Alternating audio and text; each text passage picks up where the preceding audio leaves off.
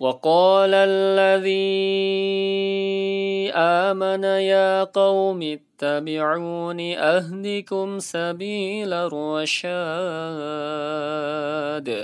يا قوم إنما هذه الحياة الدنيا متاع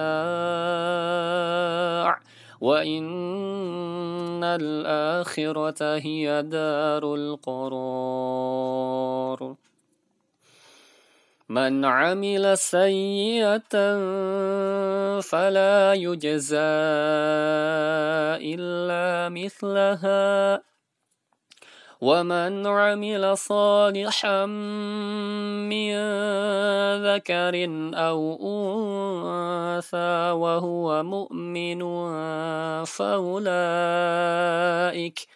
فأولئك يدخلون الجنة يرزقون فيها بغير حساب.